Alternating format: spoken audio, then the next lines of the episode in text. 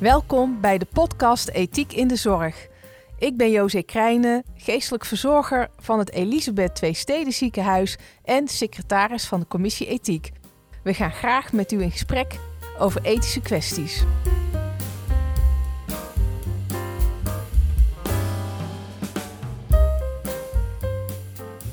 Sandra, wil jij uh, heel kort even iets vertellen over jezelf? Hallo, ik ben uh, Sandra Keulaars. Ik ben 48 jaar. Ik ben gelukkig getrouwd, twee zoons, uh, een hele lieve hond, sta vol in het leven en ik leef met obesitas. Ja, wat in de moreel beraden eigenlijk de scherpste discussie was. Hè? En vond ik ook heel ingewikkeld, zeg maar, om dat goed te, te begeleiden. Dat is van de schuldvraag. Van eigen schuld, dikke bult. Hoe kom je zo dik?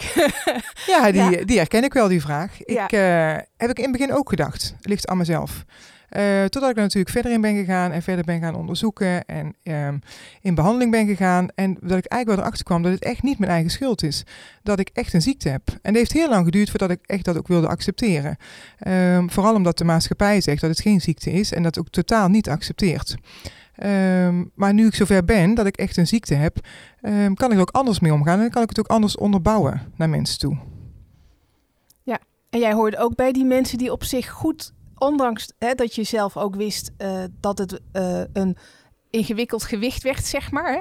Maar dat je, uh, je kon wel goed tegen hè, als mensen opmerkingen maakten of zo. Je, je, was niet iemand die daar dan een, een minderwaardigheidscomplex, zeg maar, Nee, totaal niet. Nee. nee. Nee, nee, Ik kon er echt zo goed mee omgaan. En uh, ik ben zoals ik ben. En ik ben goed zoals ik ben. Dat ik nou uh, maatje XXL heb of maatje M. Ik ben gewoon goed zoals ik ben. Uh, ook toen ik wat zwaarder was. Hè? Dus ook toen ik aardig wat overgewicht had. Ik schaamde me niet. Ik, ik voelde me ook helemaal niet anders als anderen. En als mensen niet naar mij willen kijken, dan kijken ze de andere kant op. Want ik, ja, ze hoeven niet naar mij te kijken. En ik had daar ja, werkelijk geen last van. Maar ik kreeg ook niet uh, van mensen de opmerking of zo van, oh, waar ben jij dik? Uh, ik had zelf wel last met bepaalde dingetjes uh, in een stoel zitten of op een bedje gaan liggen, dat ik er doorheen zakte. En dan was mijn geluk dat ik daar wel aardig mee om kon gaan door daar een andere draai of wending aan te geven. op dat moment geneer je wel. Dat je denkt, oh, potverdikke, hè, wat doe ik nou toch inderdaad? Maar dan, ja, dan ging ik wel weer verder. En dacht ik, ja, dit is gebeurd en dat is heel vervelend. Ehm, maar ik had daar verder geen last van. Nee. En je, had een, uh, je komt uit een context, een familie, hè, waar meer mensen obesitas hebben. Ja, mijn moeder, mijn zus, ja. uh, alle drie hebben het inderdaad. Dus, uh, en mijn moeder, ja, ook aardig wat overgewicht. Um, ja, daar liepen we wel tegen de dingetjes aan, zeg maar, in het ziekenhuis. En dat heeft me eigenlijk doen besluiten om te zeggen van, nou, tot hier en niet verder. Um, zij kwam op de EHBO terecht en zij had longkanker met uitzaaiing op borstbeen. Maar voordat dat bekend werd, uh, waren we een heel stuk verder. Want altijd als eerste uh, gingen ze het op haar overgewicht uh, gooien. Um, iedere keer als ze wilde voelen, dan was het ja, maar eer dat we ergens bij zijn of voelen, zit er nogal wat tussen. En uw buik is wel aardig dik. En dat was altijd zo. En dacht ik, ja, maar daar komen we niet voor.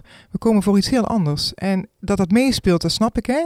Maar dat is niet de hoofdoorzaak waarvoor we kwamen. En toen is mijn moeder overleden. En toen dacht ik, dat wil ik eigenlijk niet. Ziek is ziek dik, dun. Ik wil eigenlijk gewoon geholpen worden. En omdat ik natuurlijk eh, ervaren heb hoe dat het ging, voelde dat niet prettig. Hè? Van dichtbij meegemaakt hoe dat het zeg maar is als je wat steviger of stevig bent, zeg maar. Dat daar een hele andere kijk uh, naar gegeven wordt, zeg maar. En dat heeft mij doen besluiten om te zeggen, dat wil ik niet. En ik had natuurlijk al alle diëten geprobeerd die er waren, um, maar dat heeft niet geholpen. Dan viel ik 30 kilo af en ik kwam er 45 aan. Of, hè. Dus toen dacht ik, nou, ik moet dit als laatste uh, kans aanreiken. En dat heb ik gedaan. En daar ben ik super, super gelukkig mee. Ja, dat kunnen de luisteraars ook niet zien, maar je hebt ook een bijzonder resultaat. Hè? Ja, ja, ja, ja. 56 kilo ben ik uh, in totaal afgevallen.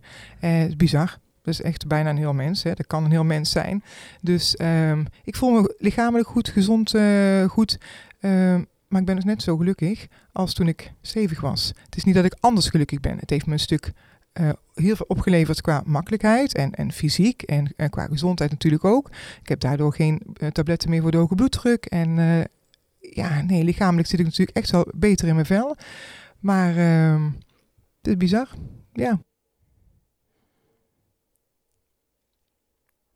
Ja, en je hebt een. Heb, waar, waaraan merk je nu nog dat je. Want je zegt in het begin zei je: Ik heb nog steeds obesitas. Hè? Dat is iets wat, wat je je hele leven hebt. En waaraan merk je dat nu nog?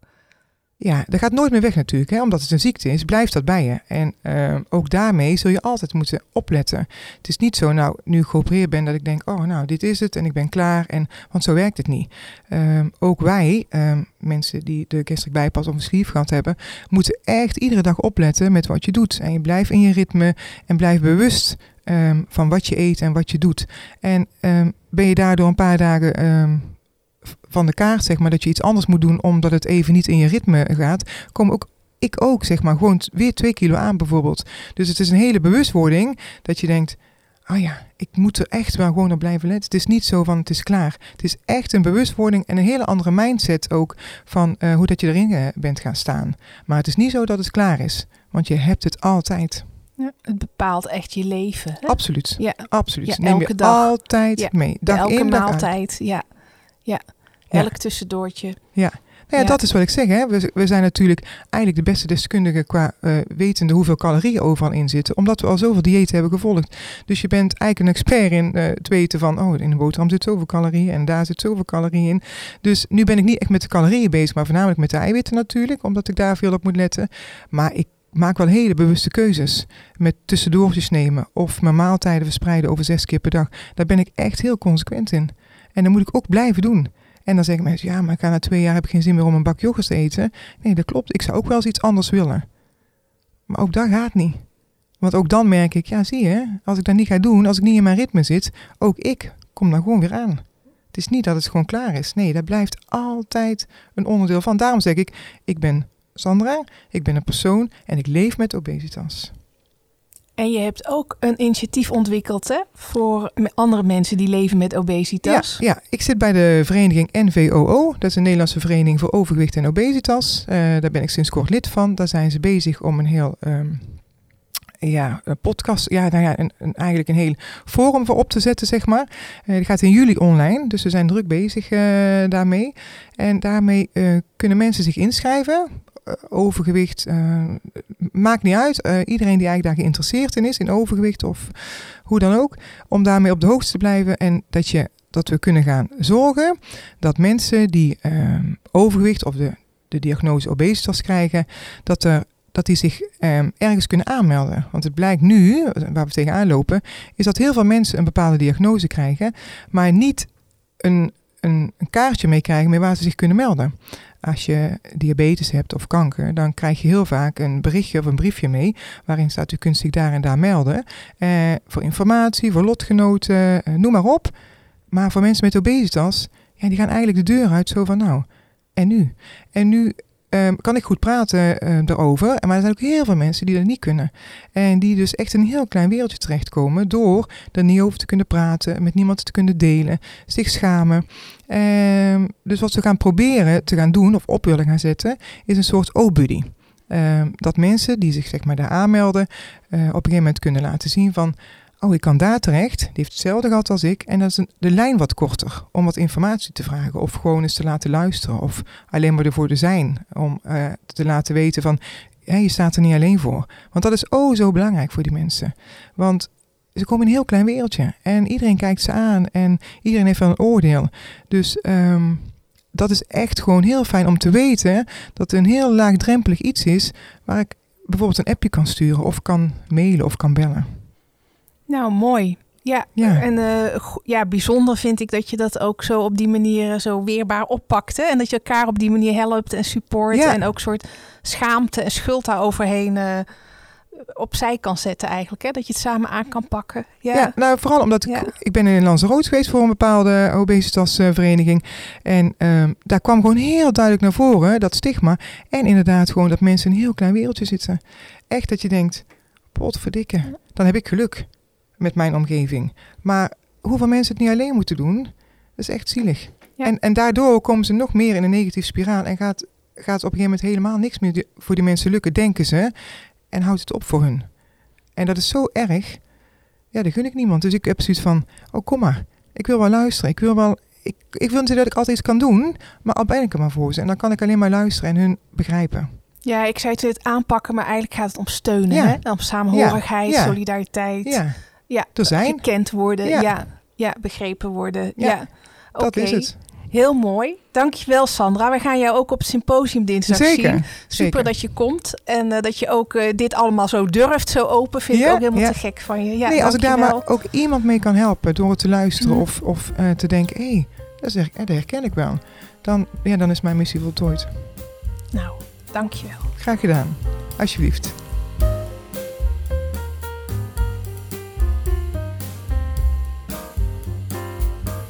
Welkom eh Annegien. Annegien is intensivist bij ons in het eh, ETZ. En misschien kun je heel kort ook iets over jezelf zeggen. Eh, ik ben Annegien van Olven, intensivist in het Elisabeth II Steden ziekenhuis. En bij mij kwam de belangstelling voor obesitas toen we een paar jaar geleden in heel korte tijd drie mensen opnamen met een extreem overgewicht. En we eigenlijk heel erg gehinderd werden daardoor. En we daarin eigenlijk ook bij sommige mensen vastliepen. Dat vond ik zo frustrerend dat ik me heel erg heb verdiept in wat is er, waar moeten we op voorbereid zijn en hoe kunnen we dat praktisch gaan inrichten. En aan de hand daarvan heb je ook een eh, heel mooi protocol geschreven... wat je gewoon ook op intranet kan vinden. Hè? Ja, dat klopt. Ja. Het protocol heet obesitas op de IC. Ja. En wat we hebben eigenlijk gedaan is een opsomming van waar moet je medisch inhoudelijk rekening mee houden. Maar vooral ook welke praktische dingen zijn er die je kan inzetten om de zorg beter, makkelijker of überhaupt mogelijk te maken. Ja, je noemde net, we, hè, we lopen tegen bepaalde dingen aan. Kun je daar iets meer over vertellen waar je dan zo tegenaan loopt als zorgpersoneel? Nou, bij die eerste drie mensen bijvoorbeeld, er was iemand met een auto-ongeluk waarbij we dachten dat de nek was gebroken. We hadden geen nekkraag die paste. En eh, we legden iemand in een bed en het hele bed ging omlaag en konden we niet meer bedienen. En de patiënt lag er eigenlijk niet goed in en we hadden geen geschikt bed. Dat duurde even voordat er was. We hadden geen geschikte stoel, dus iemand heeft weken langer in bed gelegen doordat we geen stoel hadden om hem uit bed te halen. Eh kreeg daardoor doorlichtplekken en is uiteindelijk daardoor ook overleden. En dat is natuurlijk wel heel, heel pijnlijk. Ja. Gelukkig is er nu veel meer beter, veel meer mogelijk. Maar dat was toen wel heel moeilijk, vond ik. Ja, dat, dat kan ik me ook voorstellen. Dat je dan ook, ja, er is gewoon geen nek, eh, hoe, hoe je het precies noemt, nekband. Ja, eh, iemand heeft geen goed bed en, en iemand kan op een gegeven moment gewoon niet goed verzorgd worden. Ja, ja, ja er staat ook nog iets van, je hebt ook de, het risico op zuurstoftekort, hè? Ja, als je, als je even wat meer uitzoomt, is extreme obesitas. ehm, misschien even toch beginnen bij het begin. Ja. Als je 1,75 meter hebt, dan heb je al obesitas bij een gewicht van 90 kilo. En heb je, heb extreme obesitas bij een gewicht van 120 kilo. Dus dat gaat eigenlijk sneller dan mensen misschien denken. En boven die 120 kilo gaan we langzaam problemen tegenkomen. Ehm, dat kan medisch inhoudelijk zijn en kan ook praktisch zijn. Eh, wat we medisch inhoudelijk bijvoorbeeld weten is dat eh, met name hart en longen in de problemen kunnen komen. Waarom gebeurt dat dan? Is als door eh, het vet je longen worden dichtgedrukt, worden je longen wat stugger. Worden je longen een beetje dichtgedrukt, heb je minder reservecapaciteit en moeten je ademhalingsspieren wat harder werken. Ehm, en je luchtpijp kan, als daar veel vet omheen zit, een beetje worden dichtgedrukt, waardoor je bijvoorbeeld OZAS krijgt. Dat maakt dat we weten dat mensen met extreem overgewicht sneller uitputten, sneller zuurstoftekort krijgen en ook meer risico lopen als we ze bijvoorbeeld narcose moeten geven om aan de beademing te raken. Wat betreft het hart is als je meer massa hebt, moet je hart harder werken om diezelfde massa van bloed en zuurstof te voorzien. En als die longen wat stugger worden, moet het hart ook harder werken om dat bloed door die longen heen te pompen. Als een spons die je wat dichtknijpt, daar kan het bloed minder goed doorheen. Dus moet het hart harder werken om dat voor elkaar te krijgen. En dat gaat heel lang goed, maar kan op een gegeven moment ook problemen gaan geven. En dat kunnen we, daar kun je als je heel erg ziek bent en dus in extreme mate je best moet doen, of hard moet werken in je lijf, zeg maar, kun je daar last van krijgen. Dus het is goed als we dat weten. Eh, praktisch is eh, bij lichamelijk onderzoek, dus als je iemand nakijkt, hoor je de geluiden minder goed. En je kan minder goed voelen wat er aan de binnenkant bijvoorbeeld in de buik gaande is. Infusie prikken is lastiger. Maar bijvoorbeeld bedden, standaard bedden zijn 80 centimeter breed. Kan dat iemand te breed is om in gewoon bed te passen. Een tillift, een standaard tillift kan tot 120 kilo. En nou zijn we de meeste wel aan het vervangen. Dus op eigenlijk bijna alle afdelingen zijn liften die zwaardere mensen kunnen tillen. Maar het is wel goed om je te realiseren dat daar wel grenzen door kunnen ontstaan. Denk bijvoorbeeld ook aan het onderzoek met een echo. Als je heel veel vet hebt, kan het dat je de inwendige organen niet meer goed kan zien. En bijvoorbeeld een CT-tafel is maar 60 centimeter breed, is eigenlijk heel smal. En kan een gewicht aan tot 175 kilo. Dus als je zwaarder bent of heel erg breed, kan je dus ook niet meer gebruik maken van de scan. Datzelfde geldt ook voor de meeste operatietafels. Um, dat komt gelukkig maar heel weinig voor. Maar er zijn dus mensen die, waar we vastlopen omdat we niet normale diagnostiek kunnen doen. Of zelfs misschien de behandeling die ze nodig hebben niet kunnen doen. Door hun overgewicht. Laatste belangrijke punt is als je zo dik bent dat je niet meer goed kan bewegen. Dan ga je ook conditie inleveren en spierkracht. En als je dat inlevert, word je kwetsbaarder omdat je minder reserve hebt.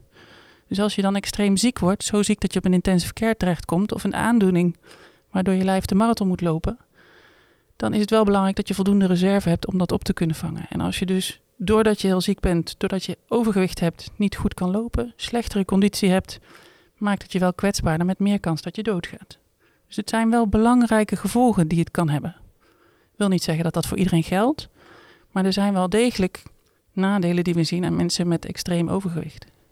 Ja, wat je zegt, er zijn gewoon grenzen op een gegeven moment die je bereikt dan van het mogelijke. Hè? Er zijn gewoon dingen die niet meer mogelijk zijn. Ja.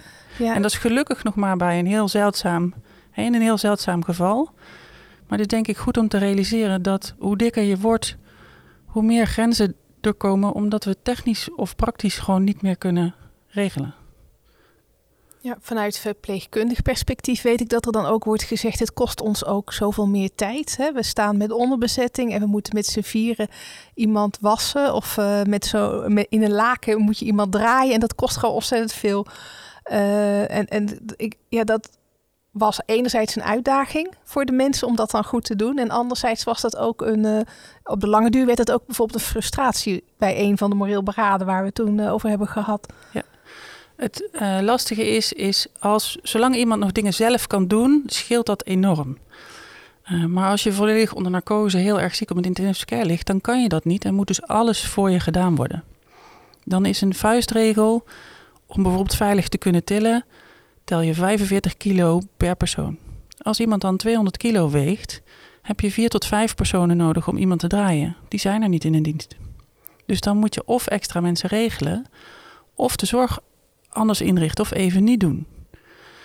Nou is het lastige dat mensen soms stoppen met nadenken, uh, want we hebben ook hulpmiddelen. Met een tillift kun je bijvoorbeeld ook een been optillen, zodat je het been wel kan verzorgen, in plaats van dat je zegt, in mijn eentje kan ik het niet en tillen en verzorgen. Um, en ik denk dat we daarin nog kunnen groeien. Ja. Het creatief nadenken over hoe je dingen kan aanpakken. Ja, en het blijven zien van de mens in het lichaam. Ja. ja want uh, een van de vragen die je me ook stelde is: merk je dat we mensen met obesitas anders benaderen en mensen met, met, met eigenlijk gewoon overgewicht of obesitas niet? Maar als mensen zo extreem dik worden, dus zeg maar meer dan 175 kilo wegen, dan zie je dat mensen soms mensen anders benaderen dan we normaal doen. Hè? Dus dingen als ja, dat ga ik niet verzorgen in plaats van ik wil niet voor die mens gaan zorgen. En stoppen met nadenken. Je kan ben niet tillen, dus ik hoef het niet te verzorgen. Nee, maar je kunt ook het tillift het werk laten doen. En dan kun je misschien wel een deel doen. Het zit meer in de houding, bedoel je, van uh, hoe mensen dan... dat mensen eigenlijk een soort kortsluiting krijgen vanuit een soort vooroordelen... of, of vanuit een... Uh, dat, ja, dat we toch niet altijd goed om kunnen gaan met mensen met obesitas. Zo voelt het soms. ja. ja.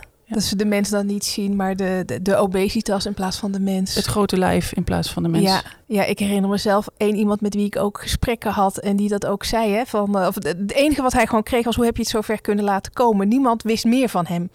Ze wisten helemaal niet uh, wat, wat hij was of zo, wie hij was. Weet je, het was echt een soort van het, het geval inderdaad en uh, die het veel te ver heeft laten komen. Ja. ja, en het is soms ook lastig omdat het moeilijk invoelbaar is. Ehm, op een gegeven moment vertelde bijvoorbeeld een familielid dat diegene echt heel veel last had van zijn gewicht. En dan is het soms lastig invoelbaar van oké, maar waarom ga je niet iets doen? Er is meer dan alleen diëten. Er zijn ook andere dingen. Je kunt ook onderzoeken waarom brengt het eten jou kennelijk zoveel dat het niet lukt om het te veranderen? Waarom ga je niet naar de chirurg? En dat is heel lastig. Het is dus niet iets waarvan je denkt: oké, je hebt kanker, je bent heel ziek, dan zijn dit de gevolgen. En dat, hè? De, uh, uh, het is moeilijk soms om er begrip voor op te brengen. Ja, dat heb ik wel gezien ook. Ja, Ja, ik ben maar heel eerlijk. Ja, klopt. Nou, en het is ook goed, denk ik, om daar eerlijk over te zijn met elkaar. Want ik denk dat je de patiënt op dat moment geen goed doet. Dat je dat als professional ook eigenlijk wil je het wel goed doen. Hè? Dat ja, zeker. mensen hebben toch heel erg die intentie om het goed te doen. Ja. En op het moment dat je dit soort dingen niet met elkaar bespreekt, dan, dan zijn het meer soort blinde vlekken waar je gewoon inschiet met elkaar. Hè? Ja, soms ook uit frustratie, hè? omdat het niet lukt. Onmacht. Of, ja. ja. En, uh, dus er zijn ook vele redenen waarom, waarom soms de zorg anders wordt. Of omdat het onmacht, frustratie, soms onbegrip. Soms ook fysiek gewoon te belastend. Als jij net hersteld bent van rugklachten, dan snap ik dat je niet staat te springen om weer extreem zware werk te moeten doen. Um, en, en wordt dit als meer belastend ervaren dan bij andere patiënten. Ja. ja. en het zijn vaak ook patiënten, tenminste die ik, dat waren echt zware morbide obesitas uh, patiënten. Hè? Dus, dus die ook in een heel lang traject hebben al van uh, hulpverlening en pogingen en het werkt niet. Weet je, ze komen er niet uit. Nee, maar het lastige is, die eerste drie mensen hadden dat niet. Mm waren mensen die kwamen met gewone dingen als een auto-ongeluk. Die man die woonde, werkte, was getrouwd, uh, ging dagelijks naar buiten had een heel gewoon leven, net als jij en ik. Alleen wel een gewicht van 190 kilo. Ja, waar we wel last van hadden. Ja. Uh, dus het zijn niet altijd heel gehospitaliseerde of heel zieke mensen. Het zijn gewoon mensen zoals jij en ik. Alleen ze, ja, op het moment dat ze volledig zorgafhankelijk worden, zoals dat op die zee nog wel eens voorkomt, dan lopen we wel tegen grenzen aan. En dat is heel moeilijk, ook, ook voor ons. Ja. ja. Als je de cijfers bekijkt, hè, 50% heeft overgewicht, 1 op de 7 heeft obesitas. Uh, dat is iets wat we in het ziekenhuis dus vaker gaan tegenkomen. Ja, zeker. En hoe gaan we daarmee om?